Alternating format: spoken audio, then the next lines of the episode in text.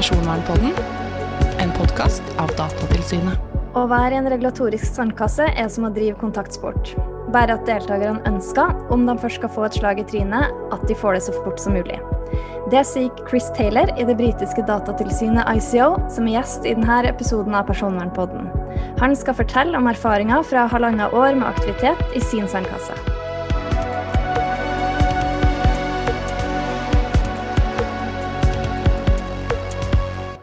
Heter Kari Løvmann og jeg er prosjektleder for Datatilsynet sin regulatoriske sandkasse for ansvarlig kunstig intelligens. Her skal vi hjelpe virksomheter med å utvikle og bruke personvernvennlig kunstig intelligens. Vi har nettopp plukka ut og er i ferd med å sparke i gang de fire første prosjektene våre. Men en regulatorisk sandkasse er et ganske nytt konsept. Vi har i hvert fall aldri gjort det før. Og vi nordmenn vi lytter jo gjerne til erfarne fjellfolk før vi legger ut på en tur for første gang. Så i denne episoden av Personvernpodden skal vi høre med britene, som ligger litt foran i løypa, hvordan erfaringer de har gjort. Chris Taylor, welcome to the podcast. Hello, good to be here. You are head of assurance or supervision at the ICO. Uh, what does that role entail? My role at the ICO is looking after um, a lot of our work that is about trying to promote compliance upstream. So it's about proactive action, ex ante action that is trying to help people be compliant with their with their responsibilities under our legislation. So I look after our regulatory sandbox, but I also look after um, a lot of our core guidance materials to data controllers. Um, our work on Article 40 to 42 codes of conduct and certification schemes. Um, and then I also happen to look after our work, um, which is bit on the side on uh, electronic identity and uh, trust services. We also look after in the UK the EIDAS regulation, um, and I look after that work as well. So yeah. today we are talking about uh, one of those activities, the sandbox. And uh, here in Norway, we're at the starting line, uh, ready to dive into the first sandbox projects. And you have already finished some projects in your sandbox and You've published uh, five exits reports already. Which of the projects completed so far has been the most successful sandbox projects in your eyes and why? I think that's a really good question, and I'm, I'm going to dodge it a little bit, if I may. Um, I mean, they, they've all been successful in so far as we judge success in the sandbox, because when we're dealing with innovative products and services, we know that often plans change, initial objectives change, um, and what we may have thought was exactly what we were going to do at the start isn't always what we what we ended up doing, and that's that's fine. Our our success criteria are about how much we've learned and the extent to which we feel we've um, contributed to getting safe um, and compliant innovative products and services out out to market. I've definitely got my favourites just in terms of interest and the kind of public benefit that they've provided. Um, so one of our projects that has finished and does have an exit report, but I noticed I noticed isn't in the right place on our website today, so I need to go and check that. Um, but one of our projects we did was with our health service, our National Health Service, um, and that was a project where we had initially intended in the sandbox to help them with understanding and managing uh, the provision of consent, and in particular, thinking about the different ways that consent um, makes sense in data protection, but also the way that consent makes sense in terms of medical practice and consent within common law medical practice, which is a challenging and interesting area um, at the moment for, for the health for the health sector. Why Sorry. was that particularly successful in your eyes? Well, yeah, because as as we all know, unfortunately, over the last year, we've all been suffering with the global pandemic. Um, and we got a request during that project to change the scope of the project at very short notice in order to support the rollout of the COVID vaccine in the in the United Kingdom, uh, and in particular managing consent around people signing up to the vaccine trials. Um, and so that was an example of where the team had to pivot at very fast speed to change the scope of their project, get very, very close and involved with something that was moving at a huge pace, real innovation, um, and with very, very um, tight deadlines and important outcomes. and and you know, to cut a long story short, it, it worked, and we provided the data protection advice. It contributed to the to the health service being able to create a vaccine trial registry that was compliant, that respected people's privacy. So being able to use the sandbox to contribute to something as important as that, and seeing the team work at such pace to deliver such positive outcomes was definitely a highlight a highlight for me. So the project achieved a very specific health uh, result in in that, uh, and at the same time, uh, safeguarding people privacy in that particular solution. Absolutely, and I think I think there's been some learnings, some really interesting learnings, despite obviously the tragedy of the pandemic. There are some interesting learnings for everybody around the role that trust in people's privacy and trust in people's data protection has in ensuring that the public are happy to accept interventions that are made uh, for public health. Um, and that we see that in broader work as well, not just in the sandbox, in the work that we've done around the pandemic generally, that the importance of trust in privacy in citizens actually engaging with significant public health interventions. That's something that we've seen in Norway as well. We've had a, a COVID app that didn't have a very well um, first round, but then it was improved and then it's launched and it's uh, seen as uh, yeah a good app that um, takes care of uh, people's privacy in a good way. Yeah, I think we've had a similar experience. So uh, your sandbox has a uh, focus on innovation, uh, whereas our sandbox is focused on innovation as well, but on um, artificial intelligence in particular. So, um, so when you select projects that are innovative, uh, you also mentioned that it should have a public benefit. What are you looking for, and, and what kind of success criteria um, are you using to to measure um, that part of the of the sandbox projects?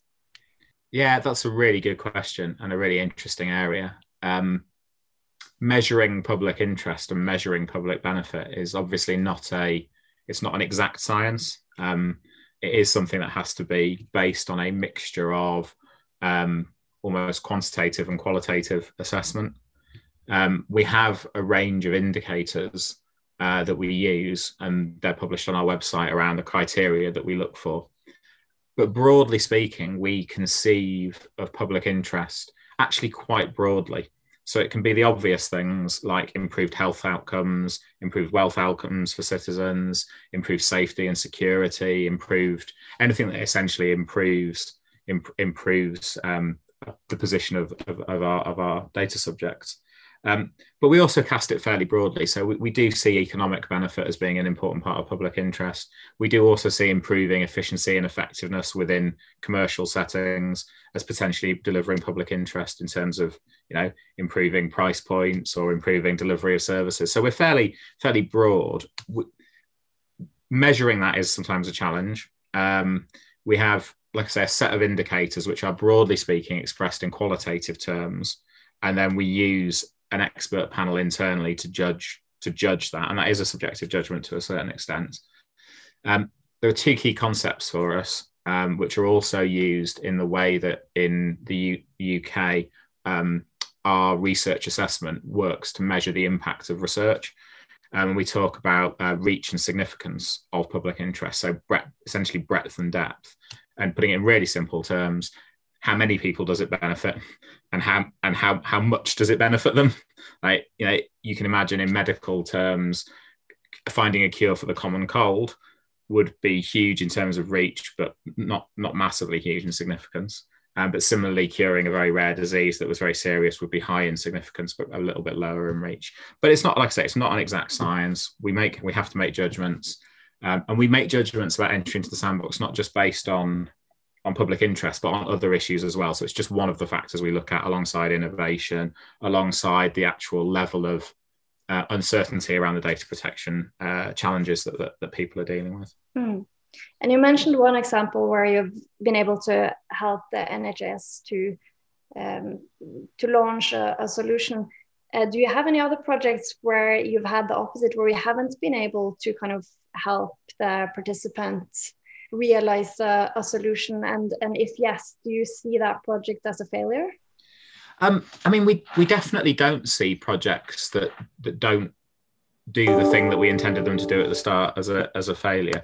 Um, there there are a couple of projects, and we have exit reports out about them, um, where for various reasons the situation changed and and and we ended the project. So you'll see on our on our website we did work with one of our airports, Heathrow Airport, which was about the use of um, facial recognition in the airport. Um, and that was an interesting one because that was one where we had there were various plans to engage in um, live testing of the solution that they were expecting um, in practice. But actually, as we went through the data protection considerations and we prov- provided those informal steers to Heathrow, and they're documented in our reports, I don't think I'm breaking any confidences. Um, Heathrow decided that actually they didn't need to do the, the, the, the, physical testing. They didn't want to do the physical testing anymore, and that they would bring that project to an end. And actually, that's from from our point of view and from their point of view, that's entirely fine. That's the that's the to a certain extent that's the point of the sandbox is to explore challenging data protection areas, get some level of regulatory clarity, certainty around particularly difficult areas, whether that's a whether that's a, an answer that the organisation might have hoped for or, or not.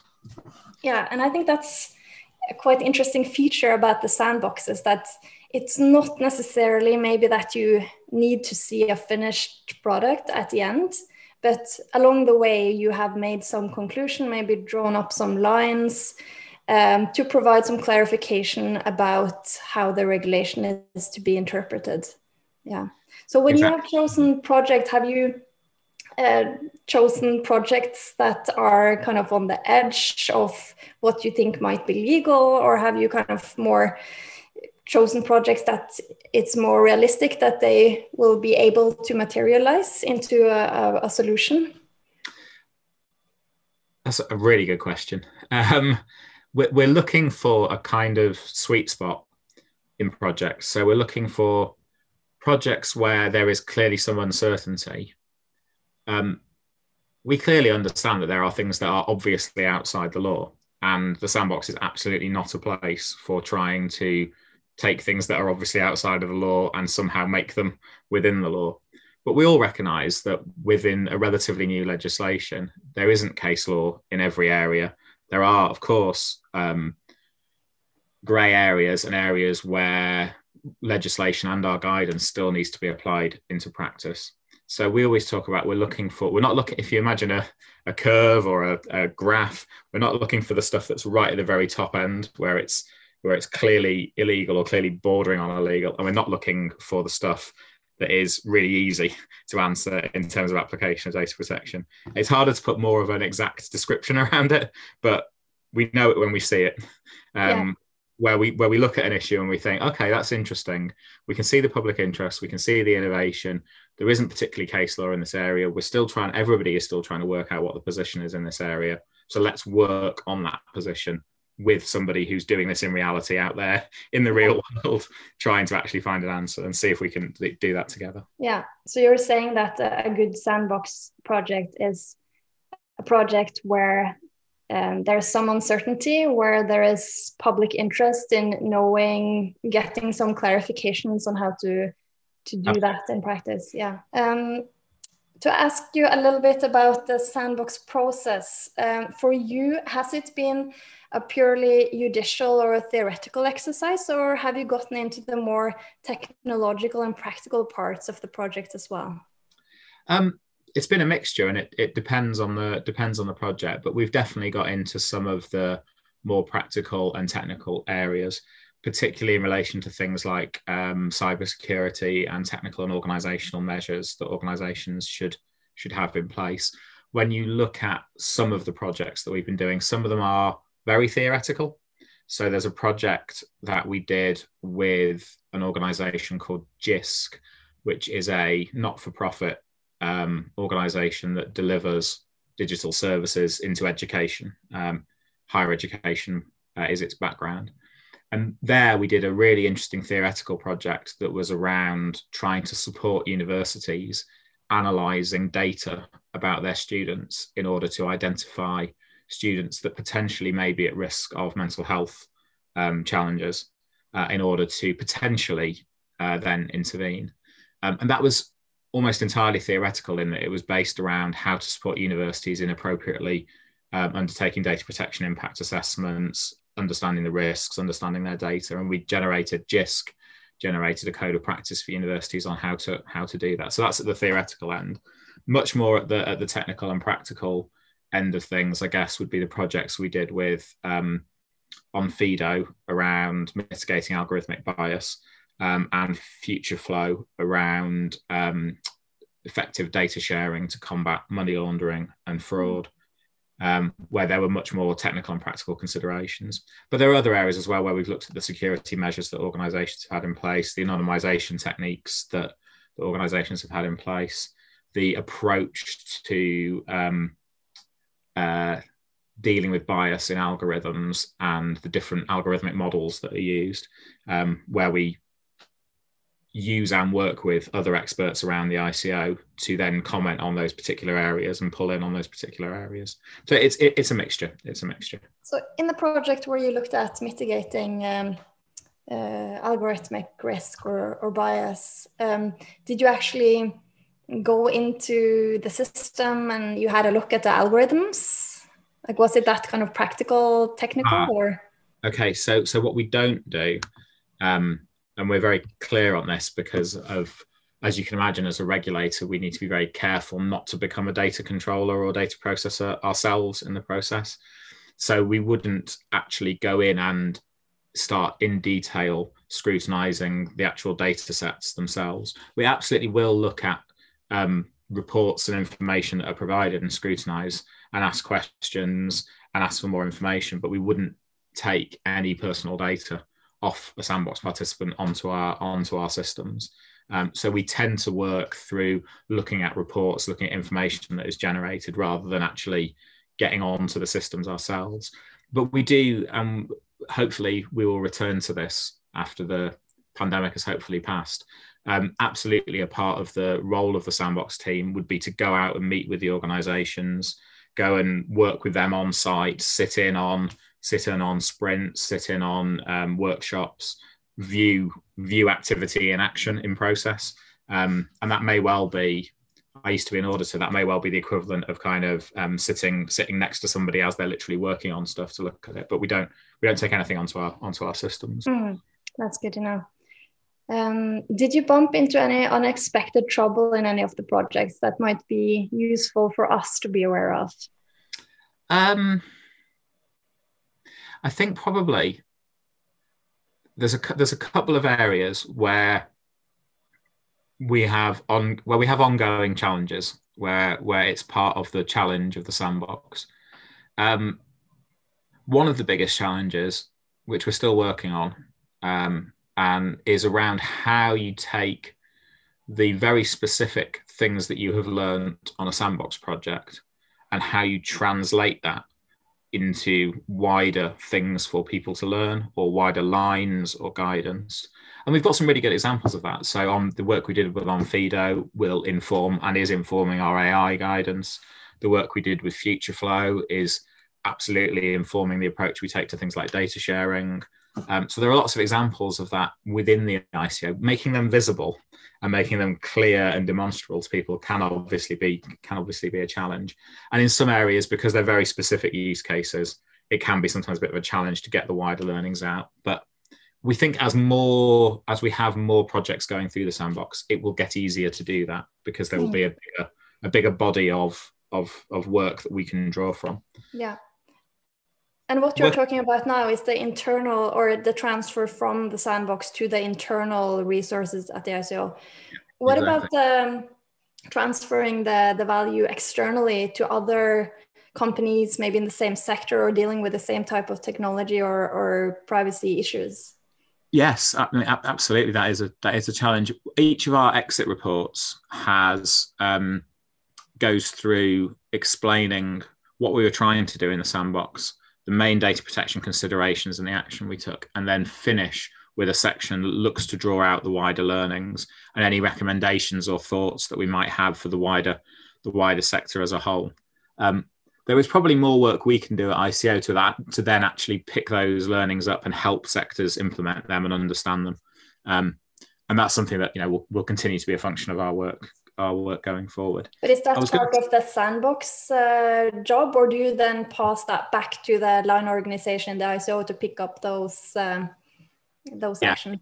At, at- at the latter, so we we we we hand them off basically to to other colleagues around the around the office, and they feed into our wider work, working with our stakeholders when we talk to different sectors, when we get into that process. There are some challenges as well. I mean, in working with the with the with the participants, um, because um, I think we always accept that there's a bit of risk involved for the participants, and there's a bit of risk involved for us as a regulator.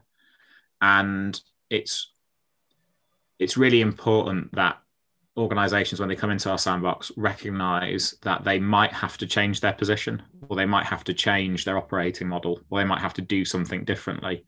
Um, we joke and say that a sandbox is it is a contact sport. It does it does require um, working through some quite difficult and challenging issues. And that might mean that we as a regulator might need to change our position, but it also requires the participants sometimes to change their position. And that can sometimes be obviously challenging if, if an organization has invested a lot of time or money in a particular solution. And that's um, so which we try and be very clear at the outset, at the start of the project, and make sure that everyone understands that so that we mm. don't get into, into difficulties later later on. And on the whole, people understand that and actually value that. And one of the things that we've been encouraged by is that participants tell us that they would rather engage with us, take those risks, and get the regulatory clarity early through the sandbox rather than later through enforcement or investigation or fines. So Yeah, yeah. It's actually for, for organizations, it's it can be very beneficial in that regard as well. And it's very interesting that you describe the sandbox as a contact sport. Yeah. And I also think for data protection authorities, the sandbox approach is it's quite different to the normal way of work where we do case handling, we do inspections, and we do guidance. But the sandbox is more about dialogue and um, being flexible and open and and going more deep into projects than we normally would do in the guidance work. Has this been challenging for the ICO? Uh, yeah, absolutely, um, and which is good because you know the sandbox is like the, the grit in an oyster. Really, it's trying to it's trying to be challenging. It's trying to seek out the difficult areas of of application. Um, it's particularly interesting and challenging because a lot of our, understandably, a lot of the positions and lines that we take, because we're a horizontal regulator operating right across many many sectors and many many areas they often have to be broad and general lines. And understandably, when you apply them into specific use cases, there are there are challenges, there are disconnects. Um, so we have a lot of live internal discussion about whether something that we have seen on our sandbox project means that the overall line needs to change. Uh, and that's that's a that's a constant process of challenge within within the um, within the ICO, uh, which is good, which is which is why we why we do it. It's a new way of work. And for the ICO, is the sandbox here to stay? Um, I hope so. I hope so. Um, we've finished the pilot year, the beta phase. So the remaining exit reports will be out very soon. Um, and we're moving now into it being a business as usual service, a BAU service. Um, we're making a few tweaks and changes to the way we work. The main model of what people get in the sandbox stays the same, um, but we are moving away from having time bound cohorts. We're moving to what we call a roll on, roll off model. So we will, as projects end, we will open up for new applicants, take new projects in, and then as they, and then we will close again, um, depending on how much resource we've got. So we'll move into that kind of model, and we will also focus um, where we use the sandbox a bit more. So in the pilot phase, we focused um, bro- very broadly on innovation wherever wherever it was found, public sector, private sector, charities, as long as there was innovation and public benefit which was really great for a pilot and for us being able to test different ways of working. I think what we have learned is that it, is beneficial to focus in a particular area. We're looking at um, new participants now in the areas of supporting our work on children's safety online, age appropriate design. And we're, loose, and we're using the sandbox as a method to support implementation of our age appropriate design code. And then we're using the sandbox also to support innovations that are about supporting safe and effective data sharing.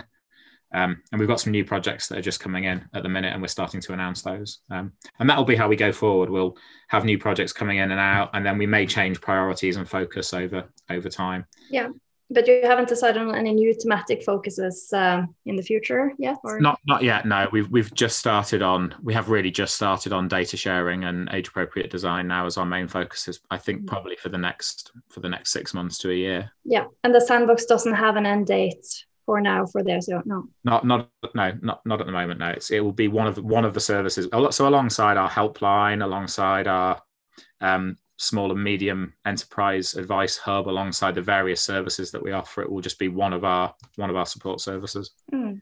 and we see sandboxes popping up here and there in europe uh, CNIL in France is launching a sandbox focusing on health data. So it will be interesting to see if this is something that will be a method used by many data protection authorities uh, in the future.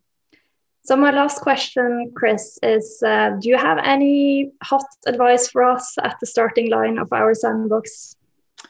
Um, I think one of the things that we did, which I'm glad we did, was we spent quite a lot of time both internally and externally explaining what the sandbox is because as a new service both for some people within ICO and a lot of people outside ICO there was uncertainty about how it would work what the rules would be what was allowed what wasn't allowed so we really went um, overboard on explaining to people what it was and what it wasn't, what the benefits were, what the rules were.